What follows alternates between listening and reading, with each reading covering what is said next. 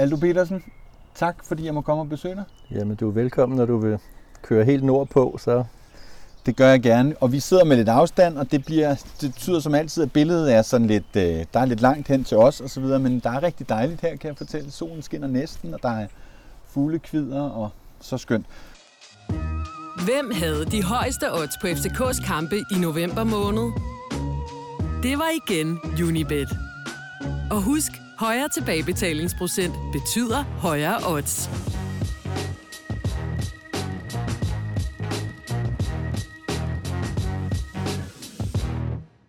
Og du har jo stået på min interview-ønskeliste, kan man sige, et stykke tid faktisk. Øh, så rigtig dejligt også, at den her coronatid gør, at, at der kan blive tid til det.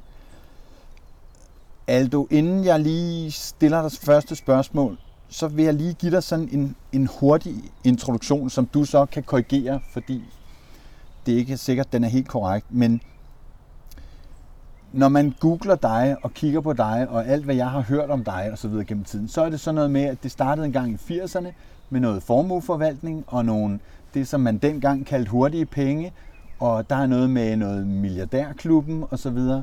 Øhm, kan du fortælle helt kort øh, om din baggrund?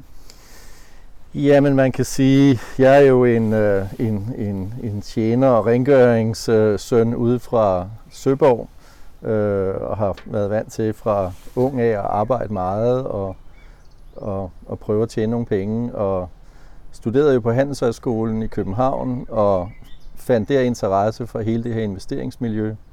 Vi var så øh, nogle unge mennesker, som, som lavede det, som vi senere fandt ud af var Danmarks første hedgefond, som jo kort fortalt betød, at man, man investerede dels for folks øh, aktiekapital, men så brugte man den aktiekapital til at give, det vil sige at belåne pengene, så man kunne investere for, for flere penge, man havde.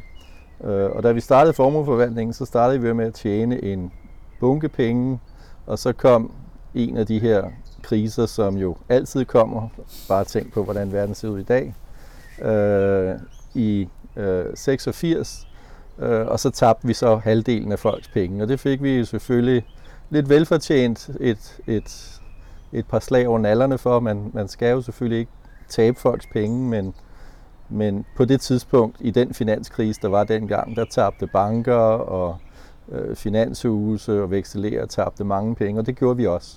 Men vi var unge, og vi fik ligesom det her brand i UP over os. Øh, vi vil eller i hvert fald medierne vil gerne fremstille os som, at vi festede, og vi hang på bar, og vi drak champagne altid. Når sandheden var, at vi arbejdede bare de der 16-18 timer i døgnet for at prøve at tjene penge og prøve at gøre det så godt som muligt. Men vi solgte så Dansk Formueforvaltning til Interbank. Vi blev pænt store aktionærer i Interbank. Øh, og startede så et IT-selskab, som vi så havde i mange år som et telepartner og som vi så børsnoterede i USA, som en af de meget få danske virksomheder, der er blevet børsnoteret i USA. Og man kan sige, derved har man vel næsten bevaret, øh, man kan sige, en vis opmærksomhed. Øh, og, og vi lever jo i et land, hvor jamen, hvis, man, hvis man skaber noget opmærksomhed, så risikerer man også at få, man kan sige, nogle prædikater, og det har man så også fået. Når man så ovenikøbet var så dum at involvere sig i en stor fodboldklub, øh, jamen så er det ligesom fortsat. Men, men Danmark er et fabelagtigt godt land, og der er intet sted, jeg kunne tænke mig at være mere, så jeg må jo tage det sure med det søde. Og der er gudskelov meget mere sødt, end der er surt. Øh, så, så det lever jeg fint med. Og nu har du allerede sagt noget, som er et lille clue til, til fodboldkyndige og fodboldinteresserede, specielt hvis man, som jeg, øh, har øh, mere end, end 20 år på banen. Fordi øh, inden du bliver involveret i FCK, så er du Interbank involveret. Og Interbank, det klinger for nogen i forhold til Brøndby. Hvordan blev du involveret i FCK, og hvad lå der så før det? Jamen vores virksomhed, den her IT-virksomhed, vi laver, der er både vi partnere og mange medarbejdere er jo vildt fodboldinteresserede. Øh, og derfor så tager vi det skridt og siger, at vi vil gerne ud og se noget ordentligt fodbold, og hvor så man det henne i slut 80'erne? Det gjorde man altså ude i Brøndby, så vi blev sådan relativt store sponsorer i Brøndby. fik et godt forhold til, til menneskerne i Brøndby, et godt forhold til Per Bjerregaard og, og den organisation, som var. Øh, og i 1991 sker der jo det, at Brøndby forsøger at købe Interbank, øh, og de gør det i sådan en, det man kalder en, en fjendtlig overtagelse.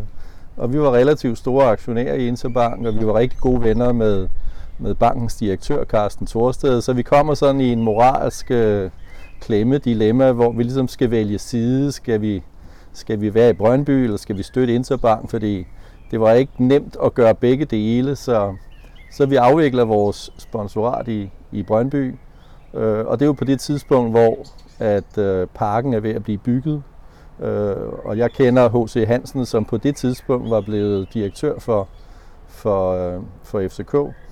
Og vi snakker ligesom om forskellige løsninger, og jeg møder øh, Alex Friedman, og synes jo selvfølgelig, at det er jo et voldsomt interessant øh, projekt. Men vi vælger så at, at lege, købe en loge i parken, øh, og den har vi så i, i øh, en håndfuld år, hvor vi så begynder at blive FCK-fans, og selvfølgelig også ser landskampe og koncerter, og er egentlig meget godt tilfreds med at, at have adgang til alle de store begivenheder, der er i parken. Ja, du var sponsor og havde, øh, havde øh, lagt en hel del penge øh, derinde, men så på et tidspunkt får du sådan lidt, mere, lidt flere penge i klemme.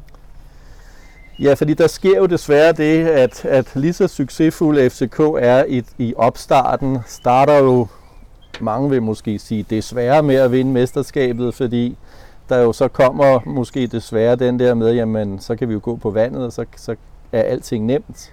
Øh, og det er det jo selvfølgelig aldrig, og derfor så, så går der jo kun et par år, før FCK begynder at komme i problemer. Øh, der sker jo desværre også det, at Alex Friedman han, han går bort, og der forsvinder jo så den der, det økonomiske sikkerhedsnet, som, som FCK har fra Alex Friedman. Og i, i midten slutningen af 95, jamen der er situationen så alvorlig, så FCK er nogle ganske få dage fra at gå konkurs.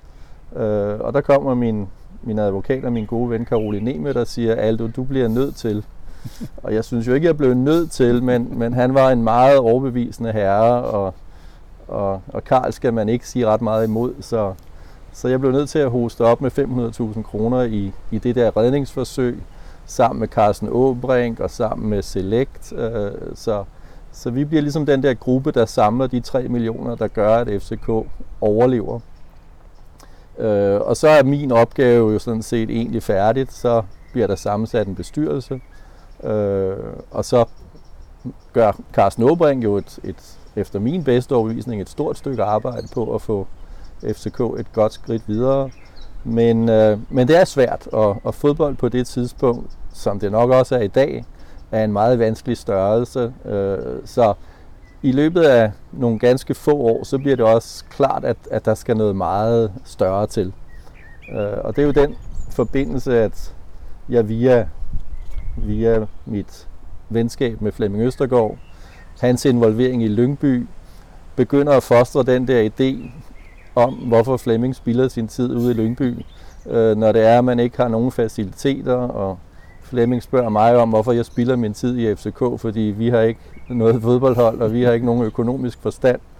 Og så er det jo den meget nemme idé kommer og siger, hvorfor, hvorfor flytter vi ikke dig, og hvorfor flytter vi ikke dine bedste spillere ind i, i parken?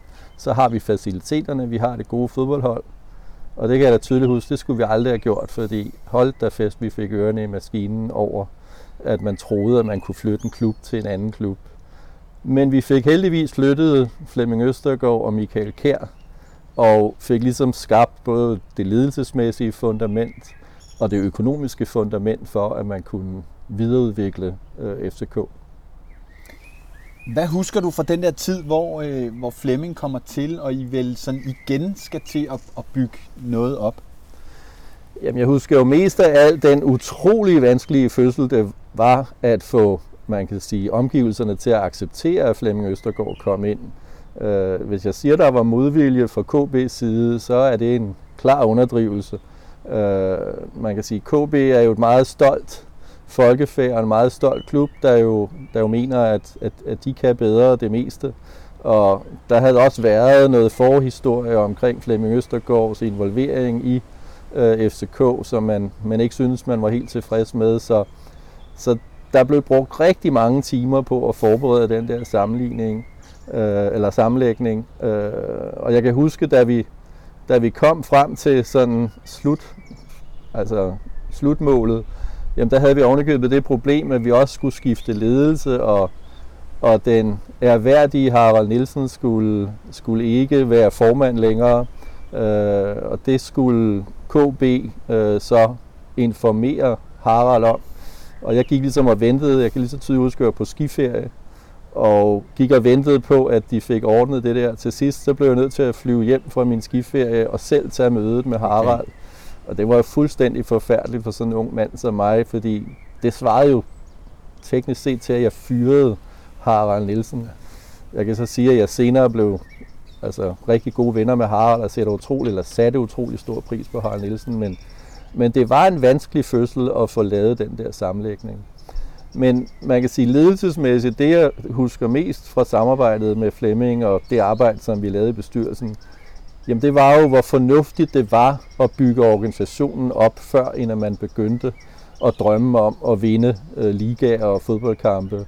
Øh, og når jeg ser tilbage, så ser jeg egentlig, at en stor del af FCK's succes blev skabt ved den tålmodighed, der var fra 97 til 2000, hvor man, man byggede en organisation op, der kunne tage de næste skridt, hvor jeg synes, jeg mest har oplevet i fodbold, at når der kommer investorer og rigmænd til, jamen så, så skal man vinde med det samme.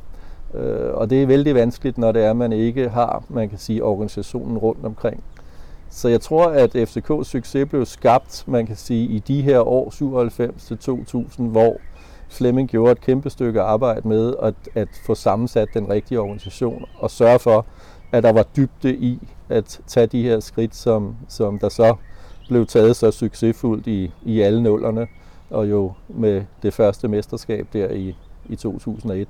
Så, så det var en utrolig spændende tid, og, og det, var, altså, det var virkelig interessant at være med til at, at skabe, øh, man kan sige, fundamentet.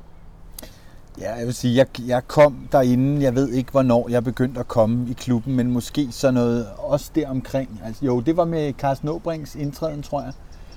Og det var jo vidderligt en helt anden klub.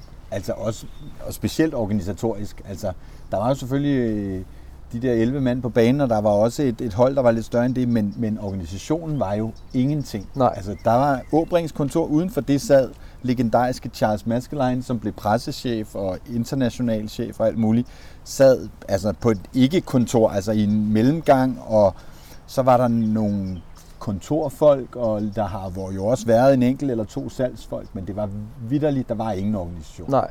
Øhm, Nej, først og fremmest var der jo kæmpe afstand til det setup, som de havde ude på Vestegnen. Øh, så, så der var virkelig, altså jeg tror, mange af de unge fans, der er i dag, de gør sig ingen forskel, eller ingen forestilling om, hvor, hvor stor afstand der var imellem setup'et i Brøndby, og så det setup, der var i FCK. de havde maskinen, der Ja. kørte, Ja. og jo virkelig var velfungerende på Ja. det tidspunkt. Du kommer jo så i bestyrelsen og, og er der øh, nogle år, men i 2002 forlader du øh, FCK.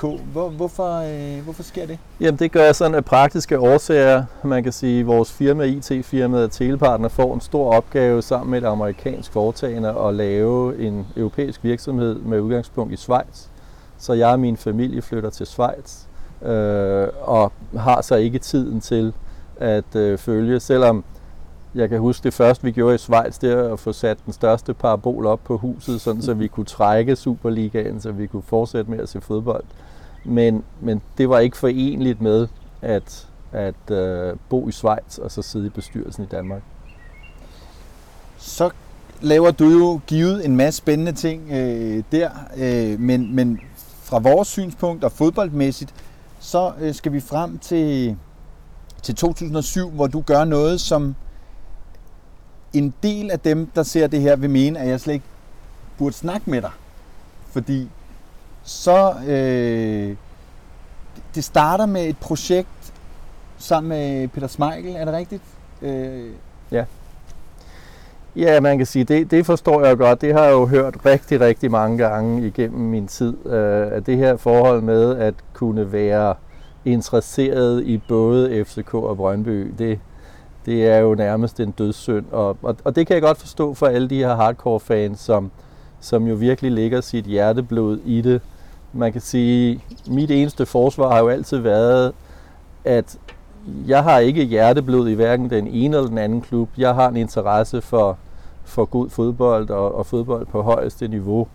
Øh, og lige så vel som at jeg blev involveret i FCK dengang de var i krise, jamen så, så kommer interessen for Brøndby øh, og, og mit samarbejde med Smeichel jo i relation til, at Brøndby er i krise.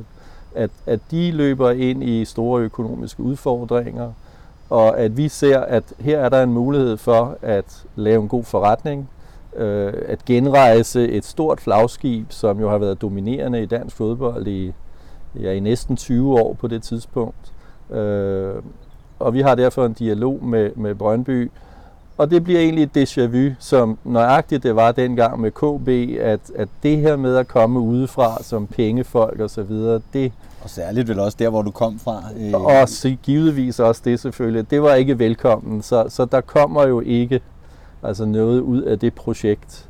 Øh, så, så det kan man så sige, jeg kan jo hævde, at historisk set, så er det helt klart, at Brøndby skulle have gjort det på det tidspunkt, fordi vi ville jo være kommet med 250 millioner til Brøndby på det tidspunkt, og eftertiden har vel vist, at hvis Brøndby havde haft den kapital, så havde de i højere grad kunne have taget kampen op med FCK, end, end de nu stadigvæk prøver at kæmpe på at komme tilbage. Men, men i historiens lys har man jo altid ret, men, men de sagde pænt nej tak i hvert fald, så det blev ikke til noget. Du og Smeichel vil simpelthen købe, øh, I vil købe Brøndby, eller majoriteten af, af, af Brøndby? Ja, det, det ville vi. Og ud fra en betragtning om nøjagtigt det samme, som jeg egentlig synes er, man kan sige, det grundlæggende fornuftige ved FCK, som jo selvfølgelig for alle fans er, at de har et ualmindeligt godt fodboldhold.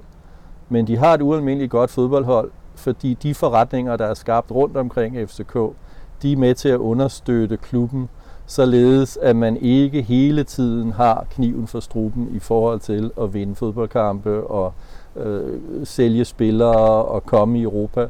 Men at man ved, at i de dårlige år, jamen, så er der et, et forretningsunderlag, som i FCK's tilfælde er stadion, det er erhvervslejemålene, og så er det selvfølgelig i høj grad LaLandia, som er med til at understøtte forretningen. Og det var i princippet det samme, som vi ville gøre i øh, Brøndby, lægge forretninger rundt omkring Brøndby, så de fik den samme, man kan sige, platform at arbejde efter. Øh, og der er egentlig ikke noget, der har ændret sig. Det tror vi stadigvæk er den helt rigtige måde at drive fodboldklubber på. Og så går der øh, en række år, så bliver du involveret i, i Brøndby. Hvordan, øh, hvordan kommer det i stand? Jamen, der tror jeg helt sikkert, at advokat Annie Nielsen må jeg have været den aller sidste, han ringede til, da det hele var ved at gå helt galt ude i Brøndby, fordi de var jo også igen kun dage fra at gå konkurs. Øh, og da han ringer og spørger, om jeg kunne være interesseret i at investere eller samle en gruppe investorer, øh, til at øh, investere i Brøndby, jamen, så, så tager jeg jo den udfordring op, og, og på, på tre dage, der får vi samlet en rigtig stor bunke millioner sammen, som gør, at Brøndby ikke går konkurs øh, i 2013.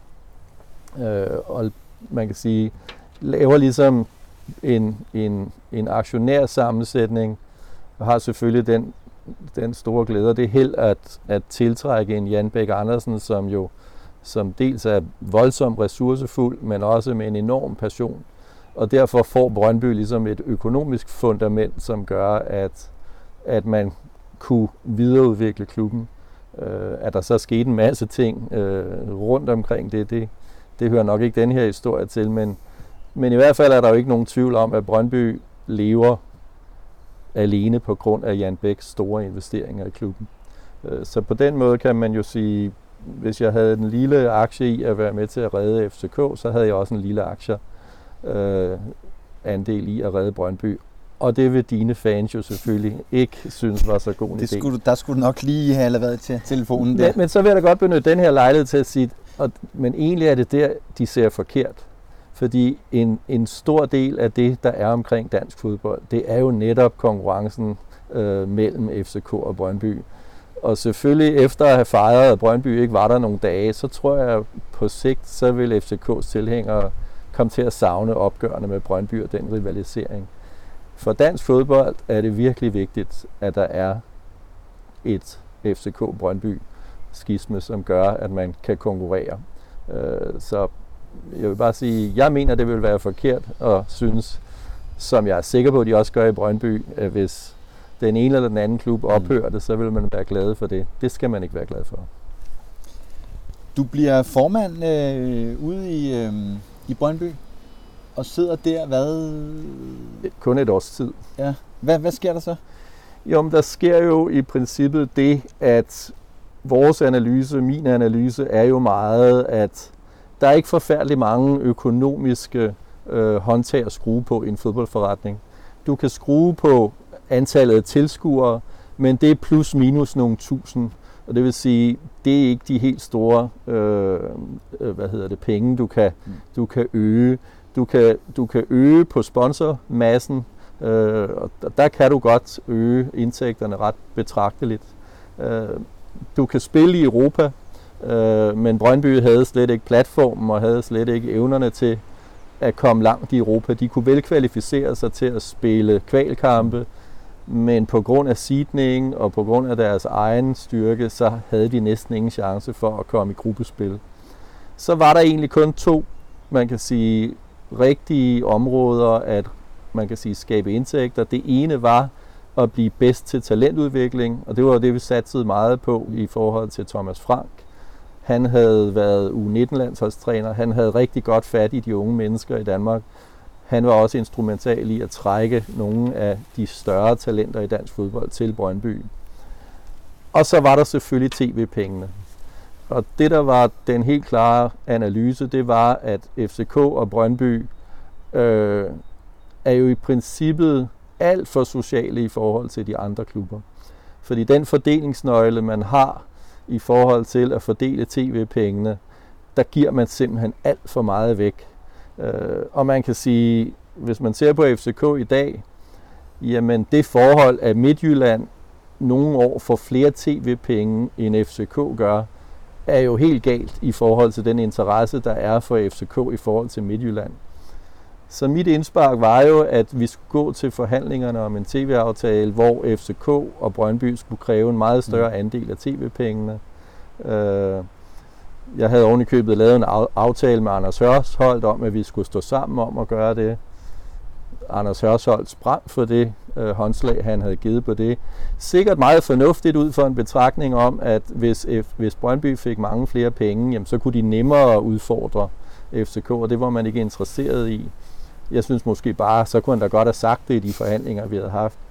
Men vi gik altså til tv-forhandlingerne med det klare formål, at Brøndby skulle have mange flere penge i den tv-aftale.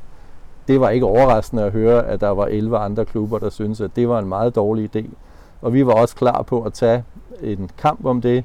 Vi havde endnu også diskuteret med andre øh, tv-stationer og andre øh, digitale platforme om at finde andre måder at distribuere kampene på. Men det er klart, at vi kom jo under et enormt pres og fik enormt meget kritik.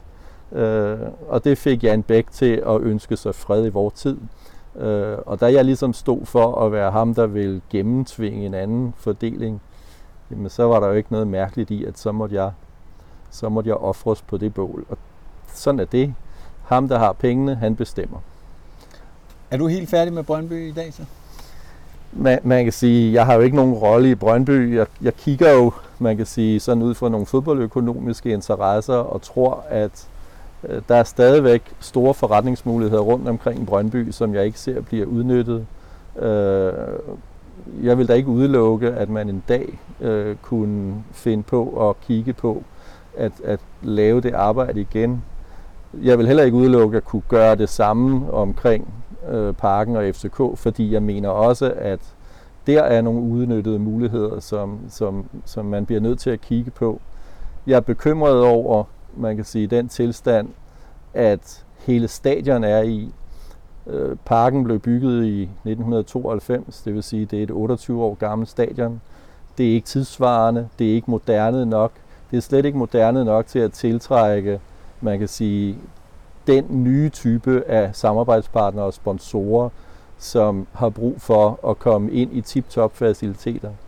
Al erfaring for øh, global fodbold eller europæisk fodbold er, at de klubber, der investerer markant i forbedrede stadionfaciliteter, Bayern München, Arsenal, Tottenham osv., de ser en enorm vækst i deres øh, omsætning og deres økonomi. Og det ser jeg bare ikke, at øh, FCK eller Parken gør i de her tider. Øh, og jeg synes lidt, at man sidder med sit produktionsapparat, som begynder at være bedaget, og som trænger til at øh, få gennemført ret store investeringer i, øh, i parken. Så hvis, hvis det en dag var noget, som man havde brug for ekstern kapital til at gøre, jamen så kunne det da sagtens være interessant.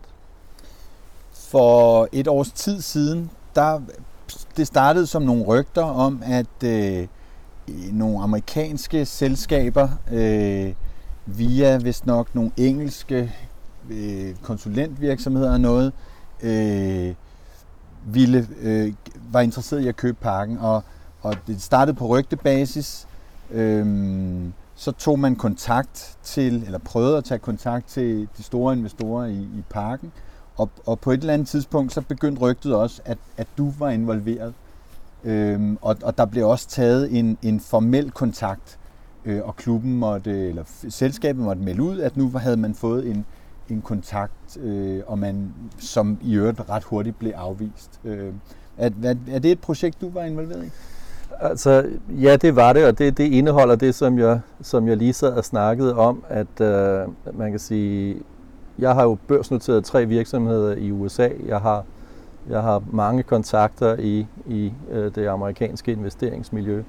Øh, og der har man jo om noget været forgangsmand på at udbygge faciliteter.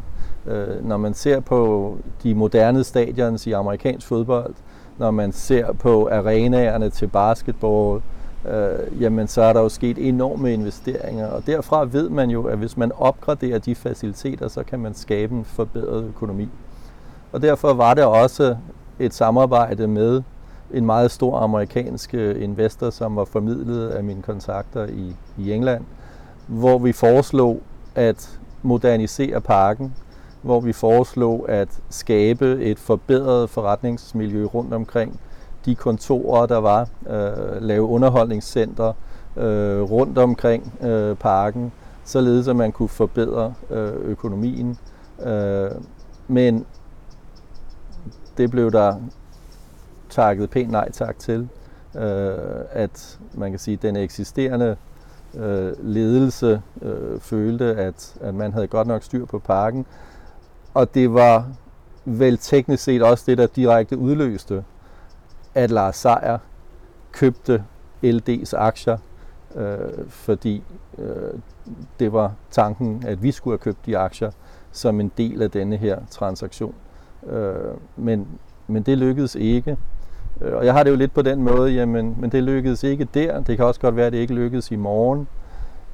Jeg kan bare sidde og se på, at uagtet den der frygtelige situation, som specielt en virksomhed som Parken er igennem i øjeblikket, som følge af, af man kan sige, situationen omkring corona, som jo bliver et enormt tilbageslag for økonomien i parken. Øh, jamen selvom det ikke var kommet, så mener jeg, at parken stadigvæk står over for investeringer i modernisering af parken. De står over for investeringer i udvidelsen af LaLandia-konceptet.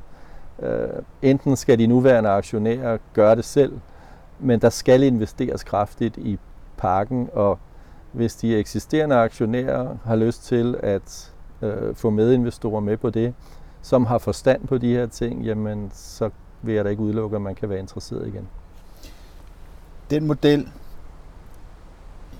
der var skitseret for et års tid siden, var øh, fra købers side en overtagelse af LD's aktiepost og en overtagelse af de to daværende store aktionærers aktiepost. Er det rigtigt, rigtigt forstået? Eller en stor kapitaludvidelse ind i parken. Øh, og egentlig vil vi foretrække den sidste, men, men vi er selvfølgelig meget bevidst om, at når sådan noget sker, jamen så har eksisterende aktionærerne en tendens til at sige, jamen det er ikke vores projekt, så vil vi hellere have vores penge. Så derfor var vi også parat til at købe, man kan sige, de eksisterende aktionærers aktier.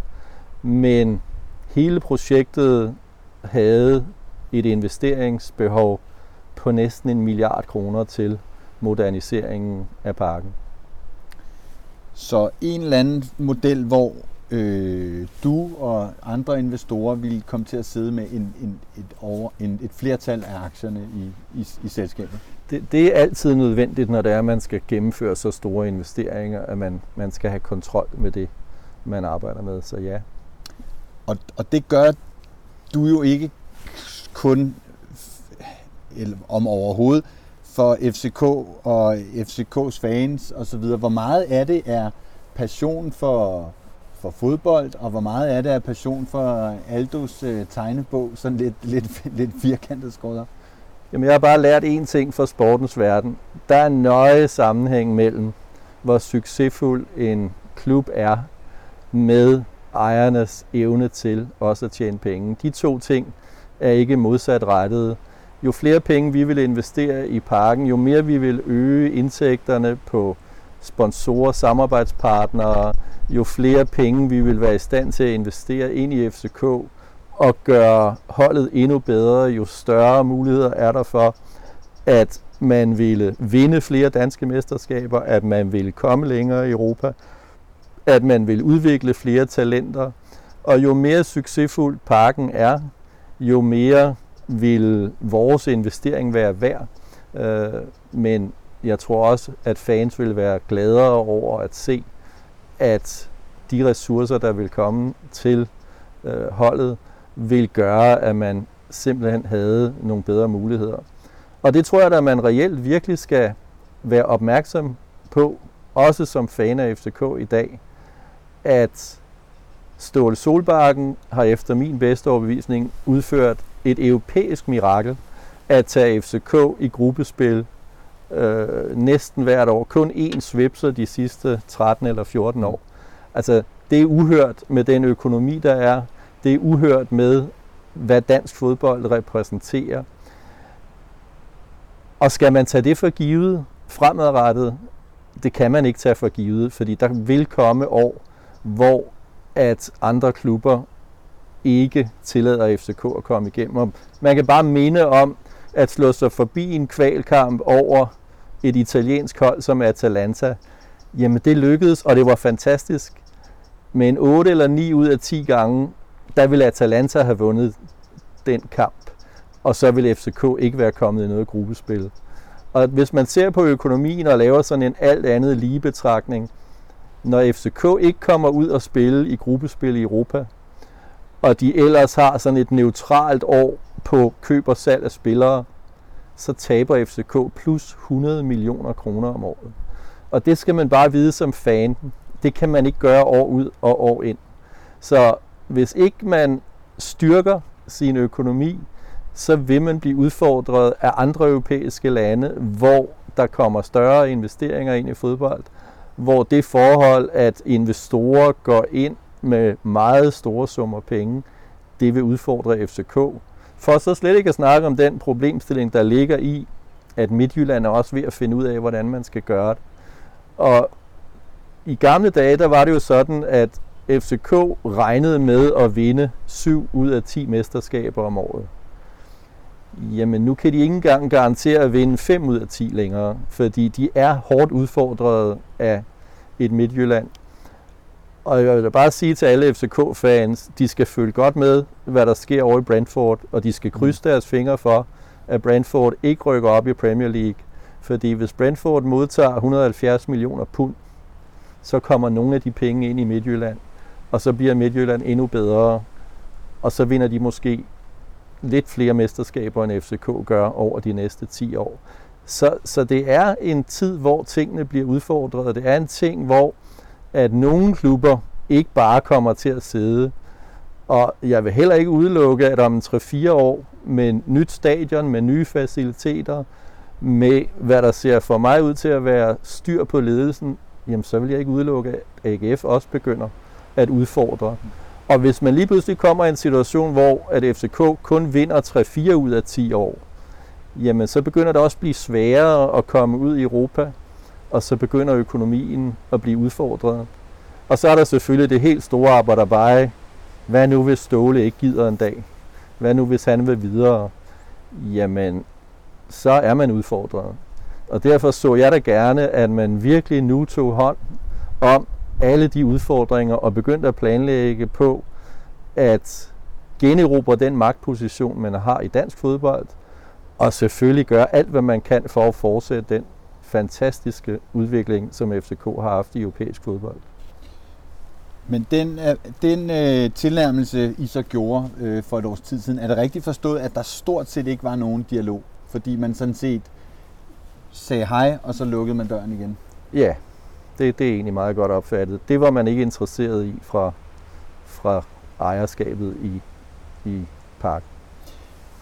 Kan du forstå dem fans i særdeleshed, som kan blive være nervøse for, at jo mere sådan en koncern vokser, jo mere det bliver stadion og kontortårn og LaLandia osv., jo mindre fylder fodboldholdet. Altså, hvor afhængig er sådan en koncern af et velfungerende sportshold? Helt vildt, fordi succesen af investeringen i parken er direkte korreleret med FCK. Det, det bliver så dårlig en forretning, hvis FCK ikke klarer sig godt.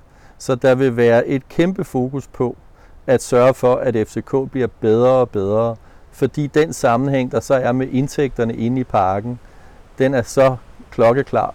Så nogen som helst nervøsitet fra en fans side om, at hvis det er, at man lige pludselig skal til at investere i at udbygge parken og bygge nye faciliteter, så er der ikke råd til fodboldspillere. Jeg kan bare sige, at det vil være det stik modsatte. Man vil have brug for et bedre fodboldhold til at trække, man kan sige, de kunder, som skal ind og øh, lege sig ind i kontorer, der bliver moderniseret, som skal ind og have de nye luksussæder i parken, som skal bruge de nye restauranter, og hvor man også skal huske, at alle studier viser, at et indbringende stadion har også tip-top faciliteter for alle sine fans. Og jeg tror vel ikke, der er mange FCK-fans, der er vildt imponeret af den ølkø eller den pølsekø, man står i, når man kommer til fodbold. Jeg tror ikke, man kan sige, at det er tip-top moderne faciliteter, der er i parken i dag. Men der er koldt vand i hanen på toilettet. Der er koldt vand i hanen. Og det er ikke sundt i de her tider, hvor man både skal vaske hele tiden i varmt vand og med sprit, så det er ikke en fordel.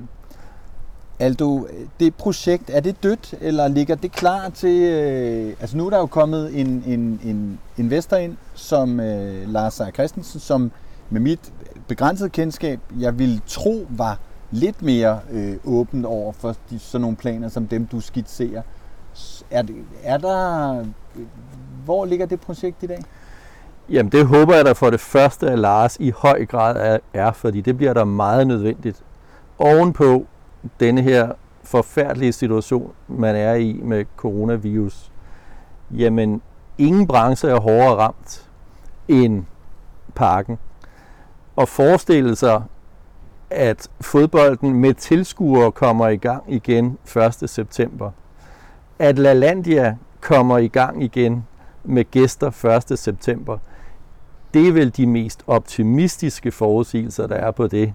Jeg tror, der er mange, der frygter, at der kommer ikke folk i parken i 2020. Der kommer ikke gæster i Vandland i LaLandia i 2020. Jamen, hvis det bliver tilfældet, så tror jeg, at FCK kommer ud med et underskud på mellem 1,5 og 200 millioner kroner i år. Jeg ved, at de lige har optaget 175 millioner kroner i ny gæld, og hvor Nordea har taget sikkerhed i stadion og kontorejendommen. For mig ligner den her situation meget det, der skete i 2008, og du som hardcore-fan kan jo udmærket huske, hvilke udfordringer det gav. Og jeg vil simpelthen ikke blive overrasket, hvis det er, at de tre ejere i FCK står over for en kapitaludvidelse på op imod en halv milliard ind i parken. Dels for at modvirke de underskud, som der skabes i 2020, men hvor man også skal huske på, at der vil også være nogle tusind mennesker, der ikke tør gå til fodbold i 2021, fordi forsamlinger i store grupper osv. er farligt. Øh, dertil kommer så, at man også skal bygge øh, et og måske to LaLandia-centre færdige. Altså i min regnestok, der får FCK brug for i nærheden af en halv milliard. Og dem tror jeg bare ikke, man kan låne ned i banken. Så FCK står udfordret. FCK står hos sine tre ejere foran, at der skal kapitaludvidelse ind i parken. Øh, og det kan meget vel være, at de selv vil gøre det. Det er jo tre velhavende øh, aktionærer, som parken har, og gudskelov for det. Men det kunne også være, at de måske gerne vil have andre investorer med på det. Øh, og det vil vi da givetvis være interesseret i. Så det projekt lever principielt? Ja, eller også så lever det jo overhovedet ikke, fordi hvis Lars Seier og Skærbæk og Korsgaard ikke ved det, så lever det slet det ikke. Men jeg mener, det kan hives frem af skuffen. Det jo, jo, det, det siger vi bare, men, men verdens økonomi ændrer sig også. Der står ikke en blankocheck øh, over i skrivebordskuffen, fordi vi kommer der til at se nogle forandrede krav til afkast og så videre oven på det her. Så nej, jeg vil ikke sidde og sige, at der ligger en check i skuffen. Men jeg ved, at der er interesse for så interessant en forretning, som, som FCK har været i stand til, eller Parken har været i stand til at bygge op. Hvad betyder det for, for projektet og for det, man, de forhandlinger, man skal ud i, at værdien af parken i runde tal er, er barberet med 30 procent siden, siden øh, Lars Seier trådte ind? Altså de penge, man som investor dengang kunne kigge på, og, eller de aktier, man kunne kigge på at veksle til kontanter igen med et efterhånden et, et, et øh, lille overskud, det, det er jo væk. Hvad, hvad, hvad gør det? Jamen nu tror jeg ikke, det er så meget afhængigt af, hvad aktiekursen er på FCK. Det, det bliver mere en vurdering af, hvad er værdierne, øh, man kan sige, på, på, på det, som i dag er øh, parken. Og der kan man selvfølgelig sige, negativt er, at man har optaget betydeligt mere gæld. Som jeg sagde, 175 millioner, som, som er trukket ind til at modvirke, man kan sige, det likviditetsdræn, der i dag er i, i, i kassen i, i hele koncernen. Øh, det er jo klart, det ændrer noget af værdisætningen, men, men jeg er ikke i stand til her at sidde og sige, at jamen, nu er værdien faldet med 20 eller 30 procent. Øh, jeg tror ikke, værdien af parken er faldet med 30 procent. Øh, men det er klart, det, det bliver noget af en udfordring at komme ordentligt i gang igen og skabe, man kan sige, det forretningsunderlag. Der, der er jo sket mange ting i fodbold. En af de ting, som jeg helt sikkert tror på påvirker FCK, jamen det er jo værdien på spillertransfer. Når det er, at de store klubber ikke laver kæmpe transfer, jamen så laver niveau 2 og niveau 3, de laver også lavere transfer. Så det betyder, at hvis der i dag var spillere, der gik for 25, 30, 40 millioner fra FCK, jamen så kan man måske godt halvere de priser i det næste år eller næste to år. Og hvis man ligesom ser på FCK's regnskab, jamen spillertruppen er vel i nærheden af 200 millioner, og dem skal der afskrives på hvert år. Jeg ved ikke, hvad gennemsnitskontraktlængden er, men lad os sige, at den er mellem 3 og 4 år. Jamen så ryger der altså 50 plus millioner på spillertruppen i afskrivninger hvert år. Øh, og det gør det ikke bare nemmere, at man kommer ud og får købt nye spillere til. Selvfølgelig har de meget interessante salgsemner, Darami, Jonas Vind, når han er tilbage og spille igen. Men problemstillingen er bare, at hvor der måske før var nogen, der var villige til at bruge 50-75 millioner på sådan en spiller, så er det måske 30 eller 25 millioner, man bruger i dag. Så, så fodboldforretningen bliver helt sikkert udfordret, og det gælder om at være rigtig dygtig for at manøvrere igennem øh, i de kommende tider. Og med det nuværende ejerskab har jeg lidt svært ved at se, at der kan skabes en forøget økonomi i FCK, hvilket også betyder, at tilgangen til at købe nye spillere ikke bliver lettere.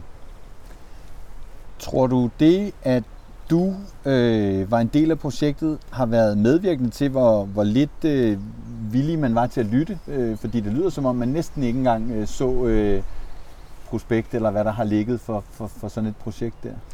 Nej, jeg skal jo ikke kunne gætte på, hvad der ligesom er tanken omkring det. Altså, jeg har da hørt selvfølgelig, at, at specielt Skærbæk, som det er jo ikke nogen hemmelighed, er voldsomt sur på Flemming Østergaard, og det forhold, at, at jeg og Flemming er gode venner, og det kan have en vis indflydelse, men, men det kan jeg jo ikke vide noget om. Altså, jeg mener jo bare, forretning, der er vi professionelle, og hvis det er det, jamen så, så, så vil det da være ærgerligt. Øh, så, så det kan jeg ikke vide noget om. ved, det er, det er jo et, et dumt spørgsmål, men vi tror og gætter jo hele tiden. Øh, så hvis du sådan kigger to år frem, er der så gang i sådan et projekt? Jeg er jo født optimist, så det vil jeg jo sige, ja, det håber jeg jo virkelig, der er. Men, men jeg tror også, fordi sådan har det jo været min vurdering, jeg tror, at Lars Seier er den helt rigtige ejer af FCK. Passioneret, han er kontaktskabende, han brænder for det her projekt. Skærbæk og Korsgaard har jo også offentligt sagt, at vi kan ikke forstå, hvorfor sådan nogle dyre fodboldspillere render rundt og tjener så mange penge, og vi kan ikke rigtig påvirke, øh, hvad, hvad de går og laver, så det er ikke rigtigt en investering for os. Så jeg kan da håbe på, at der kommer nogle investorer, som er villige til at investere de mange ressourcer, der skal til for at videreudvikle øh, jeg tror egentlig ikke, at det nuværende ejerskab er vældig interesseret i at lave store investeringer. Hvis de er interesseret i at lave investeringer nogle steder, så er det i LaLandia, så er det ikke i parken. Selvfølgelig er jeg med på, at de har øget deres man kan sige, commitment til spillerbudget og så videre. Men det er fordi, de er tvunget til det, fordi de forstår godt, at hvis det er, de ikke gør det, jamen så vil klubber som for eksempel Midtjylland øh, de, vil, de vil have for let spil. Øh, de forstår også, at uden europæisk succes, så er det en voldsom udfordret forretning.